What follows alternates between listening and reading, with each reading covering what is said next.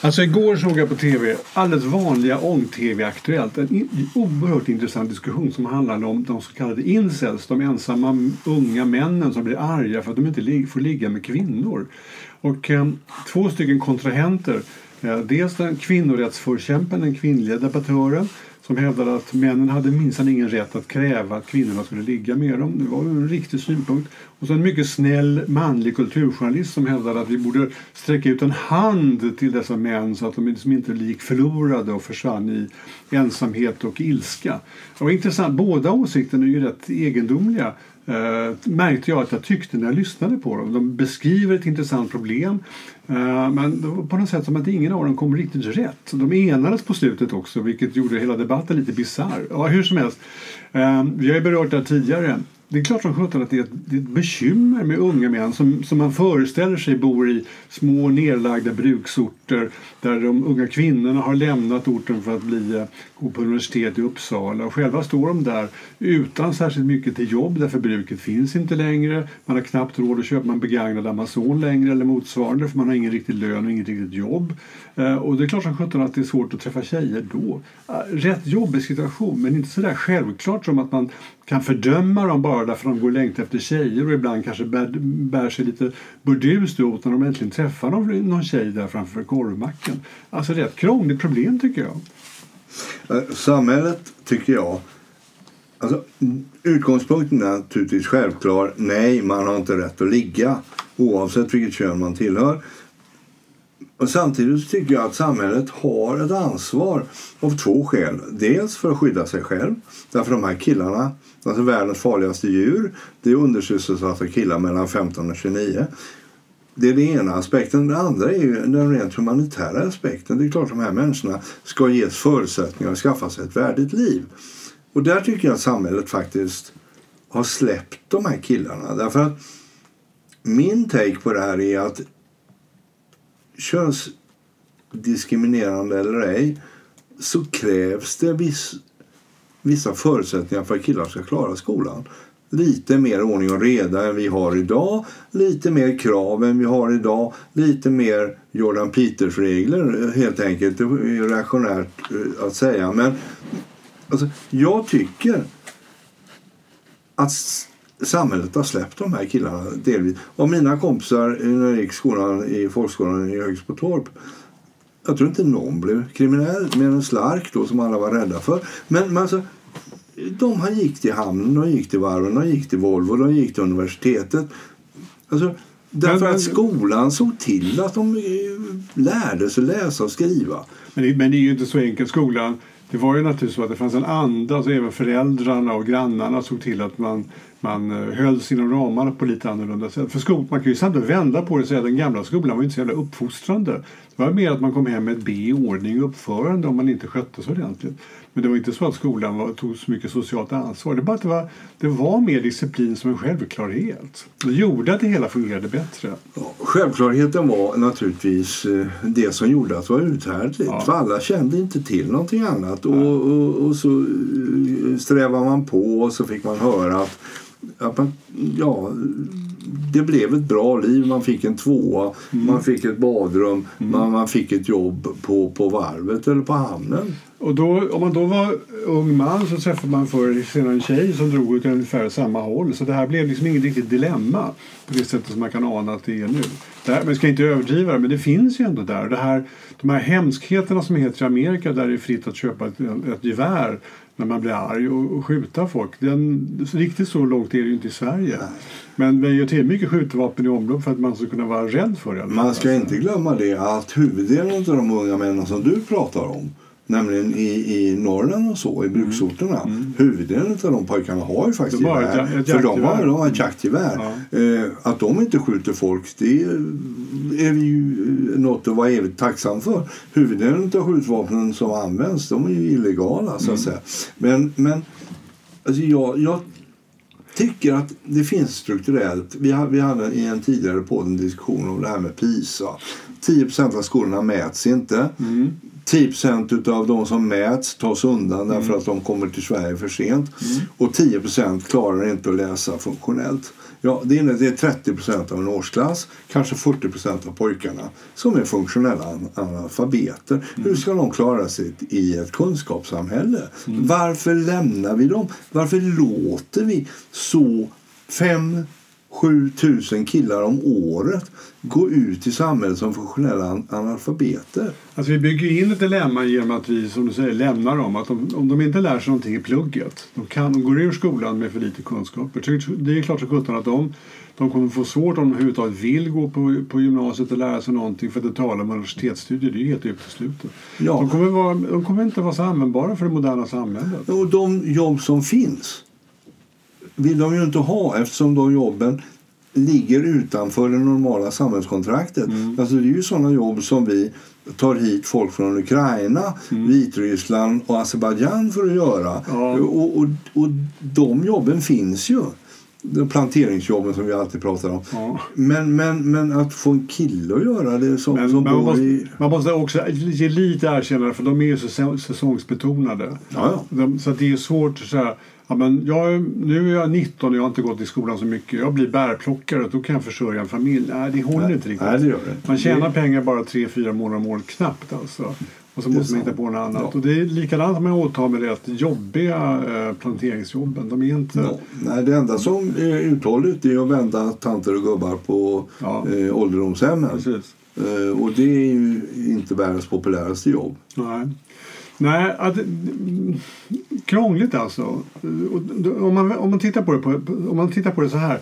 Är det som du säger, är det, är det samhället som ska säga till karlarna eller som ska liksom erbjuda männen någon sorts position eller är det så att man kan säga till männen, de unga 18-åringarna det här samhället erbjuder dig allting. Du har en fri skola, du har fria universitet, du kan bli i princip vad du vill. Det enda du behöver göra är att öppna läxböckerna. Om du går till plugget och lyssnar på läraren och öppna läsböckerna så kommer det här gå bra för dig. Samhället har så pass mycket stor öppenhet och vi har så- pass mycket vi har liksom nergjort de här hindren för att som, som gör att en fattig pojke eller flicka skulle kunna bli professor.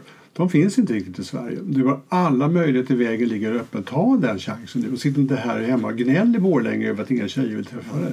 Två problem med detta. Va? Det ena är ju det att det här får man ju nästan inte säga för då är vi ju inne i Jordan Peters eh, och amerikanska amiralers eh, bädda din säng och Ja. gå i skolan. Eh, och, det är ju, det är ju Ta dig i kragen, ja. uppmaningen. Ja. Ja, precis. Och det andra är ju det att de är ju pojkar. Va? Alltså, jag lever i en övre medelklassfamilj. Jag har två söner. Min yngste son har alla förutsättningar som finns. Han är begåvad, Mm. han eh, går i en bra skola. Allting, allting som behövs. Har Men, motorväg framför sig. Ja, men att få honom att läsa. Det har ju varit ett, en kamp i åtta år. Nu ska han ta studenten nästa år. Va? Ja. Alltså, det, det, det, till och med en sån privilegierad pojke är det ju svårt att få att göra de här sakerna. Att, att, att se, ja men du kan bli som eh, farbror Olle, professor i Madrid. Du kan bli, alltså, nej, det är roligare att spela dataspel och se på film och, och, och lära med kompisarna, spela lite fotboll. Och varje läxläsning är ju faktiskt en, en fysisk kamp. Mm jag tror ehm, min ehm, att erfarenheten säger mig att jobbet kommer gå, gå, bra för honom trots kampen och, eh, och kanske också tack vare kampen så kommer han eh, så småningom eh, och kanske inte så långt framåt heller. Inom några år kommer han inse vad, vad så instinktivt vad det är som gäller här i livet. Jo, problemet är ju bara det att de här 30 procenten vi pratar om Mm. de befinner sig i socioekonomiska situationer Ja, där det här trycket Ja, ja, inte kommer inifrån. Nej, nej. Visionen finns inte framför Nej, ögonen. Det finns ingen farbror Olle och så vidare. Och, och det gör det att om den föräldern ska lägga samma tryck. Och du vet ju detta som har läxläsning i Akalla. Visst? Ja, men visst är det så. Det, det är absolut så. Det finns, det, det finns samma, samma jobb eh, i, i någon helt annan, långt utanför Stockholm och långt utanför den familjetradition som ni har. Mm. Som ni omger honom med och trycker på honom hela tiden. Det är klart kan, eh, kan råka illa ut. Och jag, jag tror faktiskt att institutionalisera detta är enda lösningen. Va? Alltså, Nelmark som var tillsynslärare och vår klassföreståndare när jag gick i fyran. Han var ju benhård. Alltså, det fanns någonting som vi kallar för straffskolan på Konsulargårdsskolan. Ja. Det var i och för sig ingen straffskola, det var en klass för speciella eh, bråkmakare. Men eh, mycket sträng eh, lärare. Alltså, jag vill naturligtvis inte gå så långt tillbaka i, i repression men, men alltså på något sätt måste vi skaffa oss ett tankesätt och verktyg som fungerar både på kvinnor och på män. Inte bara som vårt nuvarande system som faktiskt fungerar diskriminerande mot män. Därför det är anpassat för kvinnor. Ja, det är riktigt. Jag, jag, skulle göra en parentes också. För att det vi pratar om just nu det är att säga så här. Det, här, det finns i skolan finns det, ska man säga, fenomen eller sätt att göra som inte passar karlarna eller killarna. Alltså måste vi ändra. Och då kan man ju få höra direkt mot, liksom, eh, motargumentet. Ja, men ska inte, varför ska de premieras? Varför ska man tänka på dem? Jag kan inte låta bli att tycka att vi har ägnat rätt mycket tid de sista decennierna åt att se till att kvinnor kommer fram. Inte med skolan är med att det har blivit så. För vi har diskuterat kvoteringar och det finns kvoteringar nästan som en, som en lag inom um, arbetslivet och sådana saker. Kvinnorna måste lyftas fram och ska vara en del av det vanliga näringslivet eller sociala livet. Och jag tycker inte det är fel att då plötsligt säga så här, ja men det är, nu, är, nu har vi hittat ett annat ämne som är för killarna måste bäras fram eller, eller förberedas eller vägen måste breddas på något sätt även för deras del. Så jag tycker inte det är så konstigt. Nej, och vi pratar ju inte heller om att de ska ha 50 av platserna i styrelserummet. Nej, nej. Utan vi pratar ju om att de faktiskt ska lyftas upp Visst. till en anständig levnadsstandard, vettigt jobb. Alltså det här eh, som de sa, utbildning, jobb. Och sen så tjejerna får de skaffa själva Ja. i den mån tjejerna vill så att säga. Men det, men det tror ja precis. Men vår tes är ju ändå att om, om är en kille har skaffat sig någ- någorlunda vettig utbildning och visar att han kan försörja sig så är hans chanser på äktenskapsmarknaden oerhört mycket större. Ja, självklart gör de det. För att är han, in, är han bara en slacker som sitter hemma. Alltså, så, så jag hade, jag hade en, en medarbetare en gång för länge, länge sedan i ett företag jag jobbade. De gifte sig. Och sen så var han skild 14 dagar senare. Och då undrar man hur det gick det till. Ja, han hade ägnat hela första veckan i sitt äktenskap åt att ligga i sängen och se på tv. Och då hade hon tröttnat. Det och det kan man ju nästan förstå. Va? Och, alltså, men han hade, inget, han hade inget språk kring detta. Han förstod inte men vad var som hände. Eh, eh, Han förstod, han kunde inte kommunicera. Ingen hade lärt honom att man gör saker annat än att se på tv. Liksom. Otäckt. Men om man då backar tillbaka. om- Det låter som vi ändå eh, på något sätt så tycker vi att samhället, om man sådär vagt säger det, eh, är delansvarig i alla fall för dessa unga mäns eh, liksom, eh, inte misslyckanden men i att de inte hänger med liksom, i samhällsutvecklingen. Ja, men alltså det är ju som vad gjorde engelsmännen när de hade de här problemen på 1600 och 1700-talen. De invaderade Indien. Ja, de tvångs, tvångsrekryterade Ja. alla de här killarna, satte dem i flottan och i armén och så iväg med dem. Ja. Därför de var för farliga för att ha hemma. Va? Och det är klart att i en totalitär stat Så, så så blir de ju intvingade att ta på sig röda halsdukar och gå i raka led Mm. Ja. och lära sig segla, åka segelflygplan för att sen kunna bli bombpiloter Mm. och, och så vidare. Ja, det, det både Hitler och Stalin Visst. gjorde ju på det sättet. Ja. Det vill ju inte vi. Engelsmännen hade något mjukare metod. De hittade på scoutrörelsen. Mm. Men, men den här kollektivisering av pojkar som man alltid har gjort. Formering i skolan, formering i lumpen, formering. Det har vi ju ingen motsvarighet till idag. Därför att vi anser att den formeringen är ska vi säga, patriarkal. Ja, men det är också så att samhällsutvecklingen just nu inte har riktigt användning för det. det, det att bygga upp det brittiska imperiet, där behövdes ju de här. De, de, de, de, föll en, de hade en, en, väldigt viktig roll. De kom hem och blev hedrade av kungen eller drottningen och så där, när de hade gjort sitt värv utanför. Och så så det fanns ju, de fick ju liksom en tydlig samhällsplats. Och det är likadant i Hitlers och Stalins eh, styrkor. Man kan tycka vad man vill om dem, men visst hade de plats i samhällsutvecklingen, mm. även om den var av ondo. Mm. Och det, vi har inte riktigt det nu. Det är klart att vi, behöver, vi skulle behöva bygga vår armé lite större, det, det kan man ju säga. Men, men då gäller det att man faktiskt tar sig ur plugget med någorlunda anständiga betyg för att överhuvudtaget bli antagen. Ja, nej, men så är det. Och, och där har vi det där problemet som jag pratade om tidigare. Det här med att, ska vi säga, den lågutbildade arbetaren som är, har ett anständigt jobb och en mm. anständig lön mm. och en anständig livssituation. Ja. Han blir ju mer och mer sällsynt mm. därför att industrin har utvecklats. Just. Det är robotisering och artificiell intelligens. Mm. Och, vilket gör att, att han blir mer och mer överflödig om han inte om, anpassar sig och går in i Sveriges största fackförening, nämligen Kommunal och börjar ta hand om äldre och, och, och sköta samhällsservice. Ja, fast jo, men alltså, på sätt, han, man skulle ju faktiskt, om, vi, om vi vänder på det så här, och kräver saker av individen så är det så att Sverige behöver numera alltid 50 000 ingenjörer ungefär. Mm. Så att han skulle kunna skaffa sig ett rejält manligt yrke. Men om igen så, det gäller att öppna läxböckerna. Ja. Och, sen och dessutom de svåraste läxböckerna, ja, fysik och matte. Mm. Men möjligheten finns ju. Då, kan man ju liksom, då jobbar man ju hemma i bruket fast man utvecklar masugnar med artificiell intelligens och liknande krångliga saker. Ja, det men det är krävande, det får man erkänna. Ja, men det där tycker jag också är lite intressant. Va? Därför att där har det hänt någonting annat. Va?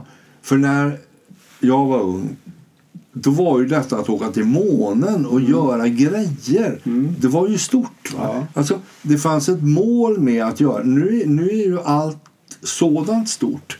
Det är ju bara icke hållbart och miljöfarligt mm. på något sätt. Och prata inte om att bygga en kärnreaktor. Alltså, det, det, det, det finns en utvecklingspessimism i alltihop det här som kanske inte heller är så befordrande för att få unga män att läsa. Nej, det kan ju hända. Alltså. Jag, jag, alltså, igår såg jag ett väldigt kul program. Det var för en gångs skull en, en eh, teknisk eh, klimatmässig optimist som, som byggde ihop alla världens byar eller städer så där, med solceller. Så att var, vi, vi kopplade bort de jättestora elsystemen och så hade var och en solceller på taket. Och så köpte eh, el av varandra. Och så, så byggde vi upp en helt ny ekonomi som byggde på var och en, var och en kunde liksom hushålla själv. Och är det så att atombomben slog ut elnätet spelar det ingen roll för vi hade ändå solceller på taket och hade ljus och ja. värme hemma. Det där funkar ända fram till staten inser det att de inte får några nätavgifter Nej, och så vidare. Var... Och då kommer de lägga så mycket eh, skatt på dina solcellstak så du vill inte ha dem. Jag vet, rent tekniskt så funkar det nog men jag håller med dig, det kräver en uh, kraftig omställning av samhällsekonomin. Jo men det är ju så folk säger, ja nu är bensinskatt. Och det första politiken tänker på idag, ja men hur ska vi kompensera för, för det när alla får elbilar? Ja då blir det kilometerskatt. Så det blir ju lika dyrt, 16 kronor milen. 60 miljarder kronor i bensinskatt. Det är ju världens bästa skatt. Ingen lägger märke till den. Den bara flyter in. Ja. Det är hela försvaret. Ja. Eller, eller nu, nej, nu dubblar man de här eh, trängselavgifterna. Det ska kosta 2000 spänn mm. att åka till jobbet i Stockholm om man eh, bor så att det inte är praktiskt med, med kommunal mm. transport. Mm. Ja, och ingen tycker att det är orättvist. Nej, eh, jo några. Ja, några som drabbas.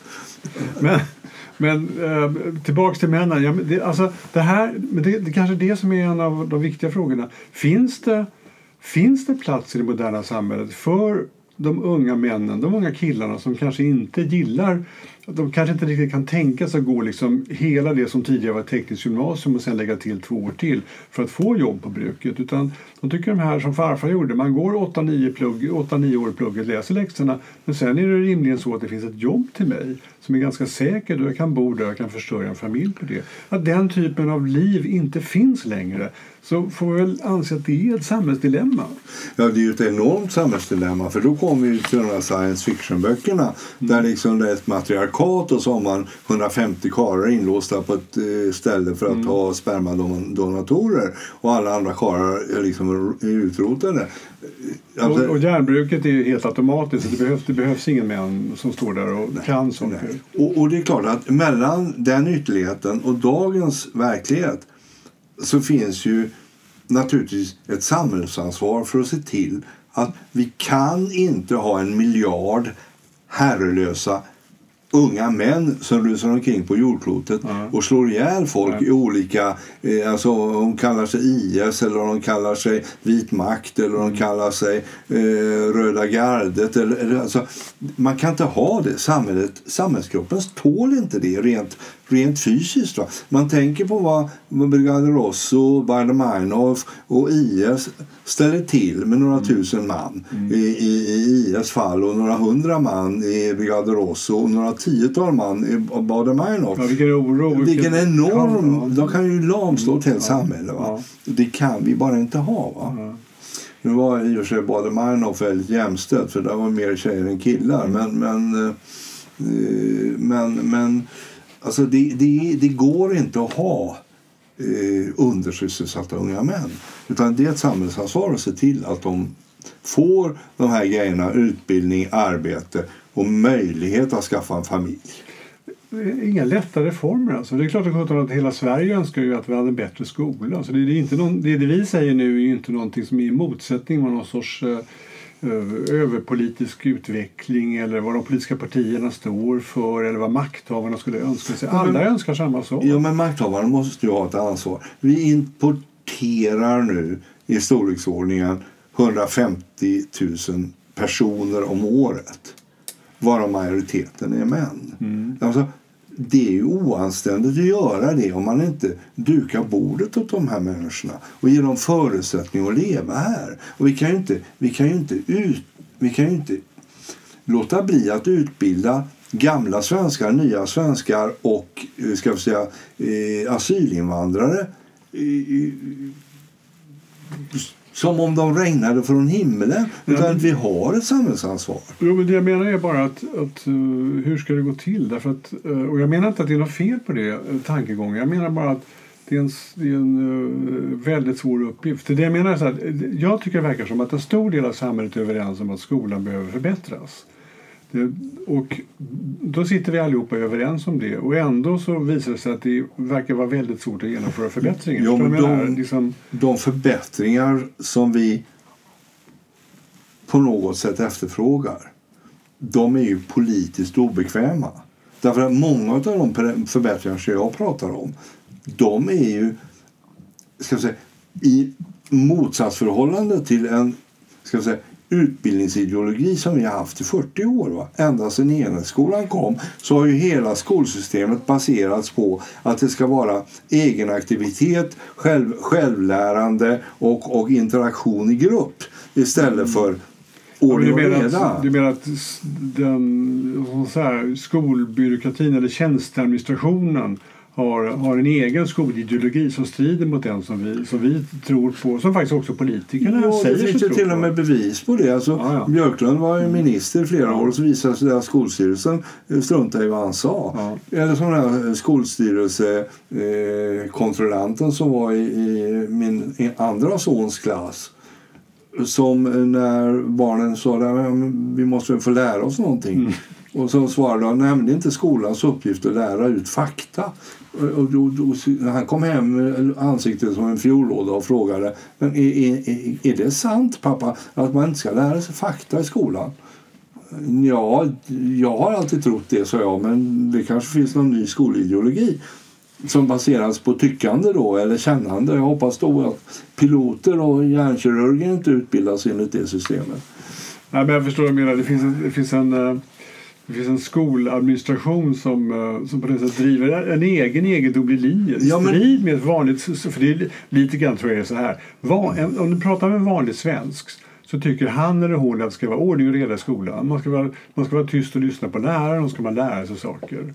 Det tror jag är det spontana Ja. svaret. Och är det så att någon mobbar så ska skolan orka med Ja, att ta hand om precis, det och så vidare. Ja. Och problemet är väl det att om vi nu i 40 år har lärt oss att det ska vara på ett visst sätt Mm. så tar det väl i alla fall 15-20 år att och, och, och, vrida upp det. Och problemet är ju också det att det är ju en, en kamp. Va? För så fort någon pratar på det här repressiva, konservativa sättet som jag gör oavsett om han är liberal eller vad han är så trängs han ju ut åt höger av de som är motståndare till detta. Alltså, eh, Liberalernas skolpolitiska talesman Skogstad i varje debatt man ser på nätet där han är inblandad så trycks han ju ut alltså, åt det förment bruna hållet. Han är ju inte ett dugg brun. Han är ju vanlig liberal som har en idé om att folk ska klara sig i skolan. Men ändå så ligger hela, ska man säga, eh, åsiktskorridoren. Han är så på kanten av åsiktskorridoren. Han trängs ut åt höger. Va? Min, eh, ska jag säga, epamässiga analys. Men, men, men eh, det är någonting som gör att det här är extremt svårt att prata om. Alltså. Mm. Ja, svårt att genomföra. Det är klart att det finns, det finns andra strömningar än bara, än bara skoladministratörerna som håller emot. Det är nog riktigt alltså. Men jag kan inte låta bli att tänka på, en- om man vänder på det och så tittar på det från ett helt annat håll. Så har jag alltid, de sista åren så har jag funderat på eh, arrangerade äktenskap. Och eh, jag undrar om inte de länderna som har arrangerade äktenskap, om man tänker sig någon mildare form än, än heders, där hedersvåld och liknande förekommer. Men ändå är det så att föräldrar lägger sig i rätt mycket sådana här saker och ser till att folk blir gifta och sådana grejer. Då kan man ju se att bakom det kan jag inte låta bli att tycka att det finns någon sorts grundläggande idé om att det är inget bra med unga män och unga kvinnor som förblir ogifta. Det är inget bra för samhällsutvecklingen. Det innebär instabilitet. Det- i sin tur innebär icke-stolthet för familjen och familjens fortsättning eh, riskeras och sådana saker. Men, men det grundläggande kan jag låta bli att tro. Det kan också ligga sådana här saker som vi pratar om. Unga män som bor i byn och unga kvinnor i byn, unga flickor i byn. För man tror att det var ett gammalt bysamhälle där det här uppstod. Eh, Det är inget bra för samhällsutvecklingen som sådant. Eh, Om de inte hittar varandra får vi väl fösa ihop dem så att de liksom, det blir något. Det de, de får inte gå ogifta. En väldigt intressant och extremt omodern idé. Ja, men, men alltså, det är naturligtvis så. Eller naturligtvis så, men, men det finns i alla fall en, en vettig hypotes i att nej, det är inte bra för samhällen när folk omkring är undersysselsatta, undermotiverade och dessutom är fria att ställa till ett massa elände. Eh, skaffa barn på byn och lite sådana grejer. Och då är naturligtvis det här att strukturera upp samhället Alltså, vi, eh, en, en, genom till exempel Sen blir det ju avarter. Det blir liksom hustrubyten och det blir, eller hustruhandel och det blir eh, hemgifter och det blir det ena med det fjärde. Men, men, men att det uppstår från en legitim samhällstjänst är ju inte alls eh, osannolikt. Vi var på en skärgårdstur för några år sedan och då besökte vi ehm, då besökte vi ön där Strindberg bodde ett kort tag. Som egentligen tror jag är Kymmenö. Och ehm, då beskrev de livet där. Det finns ett minimuseum där Strindberg bodde. Och sådär. Hus, ja, det är lite annorlunda men ändå det finns där. En sak, det enda jag minns från den resan var så här. Och vem bodde där, vem bodde där? Vi tittade på de olika husen. Och då var det så att någon, någon dog i ena huset och så var det någon som dog i det andra huset. Då, va? Så plötsligt stod det en, en, en, eh, en änka och så stod det en enkling. De var visserligen i väldigt olika ålder. Men prästen insåg på något sätt omedelbart faran med bysammanhållningen. Att det här var inte bra. Så han, han verkade för att de skulle gifta sig. Det var liksom det som vi skulle kalla för ett ganska omaka par. Men, men eh, prästen liksom kastades in i så här och, och på den tiden gjorde man så, beskrev den här ciceronen då. Att det var ganska vanligt att man liksom ingrep på något sätt. Och prästen var liksom samhällets beskyddare på något vänster då. Och då såg man till att det blev gjort. Därför att, för att, att låta det vara som det var är inte bra. Nej, det blir instabilitet. Det är intressant att säga det där. Eh, Min, mina förfäder de gick ju från jordbruk till att bli präster i slutet på 1600-talet, början på 1700-talet. Och jag har faktiskt i min släkt en anmoder som när min manliga släkting då gick och dog, prästen, så blev hon gift med han som var eh, nästa präst så att säga. Vilket inte alls var ovanligt på, på 1700-talet. Att, att, mm, att änkan eh, blev, blev gift med, med pastorsadjunkten så att säga som sen blev prost. Alltså det, det, det är väldigt intressant. Av samma skäl. Vad skulle vi göra med henne och alla hennes ungar om, om hon måste flytta ut ur prästgården? Så det är bäst att liksom jag förevigar det här systemet så att säga. Och, och någonstans finns det liksom en samhällelig eh, kraft. Då. För i, det här ö-exemplet var det tydligen prästen som agerade. Ja. Och det kan man ju tänka sig att det varit på andra ställen också. Eller, någon byäldste något sånt där. Va? Som ordnade lite. Alltså inte låter den, den individualism som vi uppskattar och som präglar vårt samhälle idag. Men den får inte verka helt och hållet. Utan verkar den så att exempel det finns plötsligt ensamstående här och var. Då måste den här samhälleliga kraften ingripa. För det där är ju inget bra. Men jag kan ju säga det att eh, den kvinnliga debattanten i gårdagens Aktuellt hon har dömt ut både dig och mig vid det här laget som, som reaktionärer och, och, och förespråkare av någon form av patriarkalt tvång över kvinnor som blir bortgifta till höger och vänster. Visst. Nej, men jag kan inse det också. Men jag kan inte låta bli att tycka att det, det, är, en, eh, det, är, en det är tänkvärt. Och, och det jag menar är också att det finns en det vi pratar om som ett dilemma är någonting som världen kanske många gånger har sett fast tittar på det på lite annorlunda sätt. Alltså man ser det framför sig. Det här är ett, Jo, ett och det nästan en- mänskligt dilemma. Ja, och då är det mycket svårare att lösa det här dilemmat i ett totalindividualistiskt Ja, sammanhang precis. som vi har. Där blotta tanken på att någon ska tvingas i någon riktning eh, bär oss alla emot. Så att säga. Men man, man, vill inte, ja, men man vill inte ordna eh, ungdomsläger. Man vill inte ordna eh, någon form av strukturerat halvtvång i samhället. Fast just ungdomsläger skulle man väl kunna ordna. Alltså, man får anmäla sig frivilligt naturligtvis och söka plats. Och jo men alltså där finns ju det där min gamla idé om att man ska ha utvidga den värnplikt som vi faktiskt Ja, har visst. till en form av praktisk samhällsplikt Mm. där alla är inne tre månader, sex månader på brandkåren eller på äldreboende eller på, på jordbruk eller i armén. Mm. Och, och, eh, så, att, så att det var självklart. Men det är klart, det är ju en extremt dyr reform. För att det ska skaffas logement och det ska skaffas lärare och det ska skaffas redskap och det ska... Jag menar, vi har ju knappt råd med armén så hur ska vi då ha råd med att ha ytterligare 80 000 inlagda på olika utbildningsinstanser varje år? Ja, och du ska ställa mycket på huvudet också. Vi skulle ha vissa logement för tjejer och vissa logement för kvinnor. Eller förlåt, för män. Nej, men nu i armén är det delade logement. Så, att, så att det kan man ha även på, eh, på eh, jordbrukslägret och på åldringsvårdslägret och, och så vidare. Så det, det tror jag man klarar. Men en, jaha, så man ligger man står i logement i blandade grupper alltså? Jajamän. Och de duschar ihop på hela paketet nu. Alltså det, det är en del i hela den här ska säga, socialiseringen utav armén. Ja, det låter bra. Då ska vi hoppas att det skulle kunna vara... Eh, det visar i alla fall den militära någonting som skulle kunna vara värde för resten av Sverige. Ja, alltså det är ju det är rätt intressant. Alltså jag reagerade som du första gången. Jag, eh, att, ja, nej, men det är kvinnliga värnpliktiga och de... Det var, jag- K3 har gjort en fantastisk film om, om värnpliktsutbildningen som alla ungar ser på Youtube. Och, och den, där är, ja, det är några tjejer som ska bli jägarsoldater. Ja. De duschar och har sig. Precis som killarna. Men det är klart, de hittar ju någon form av socialiseringsmodell där man liksom tar hänsyn till varandra. Och det är väl det som är meningen där. Visst. Ja, det där låter jättebra.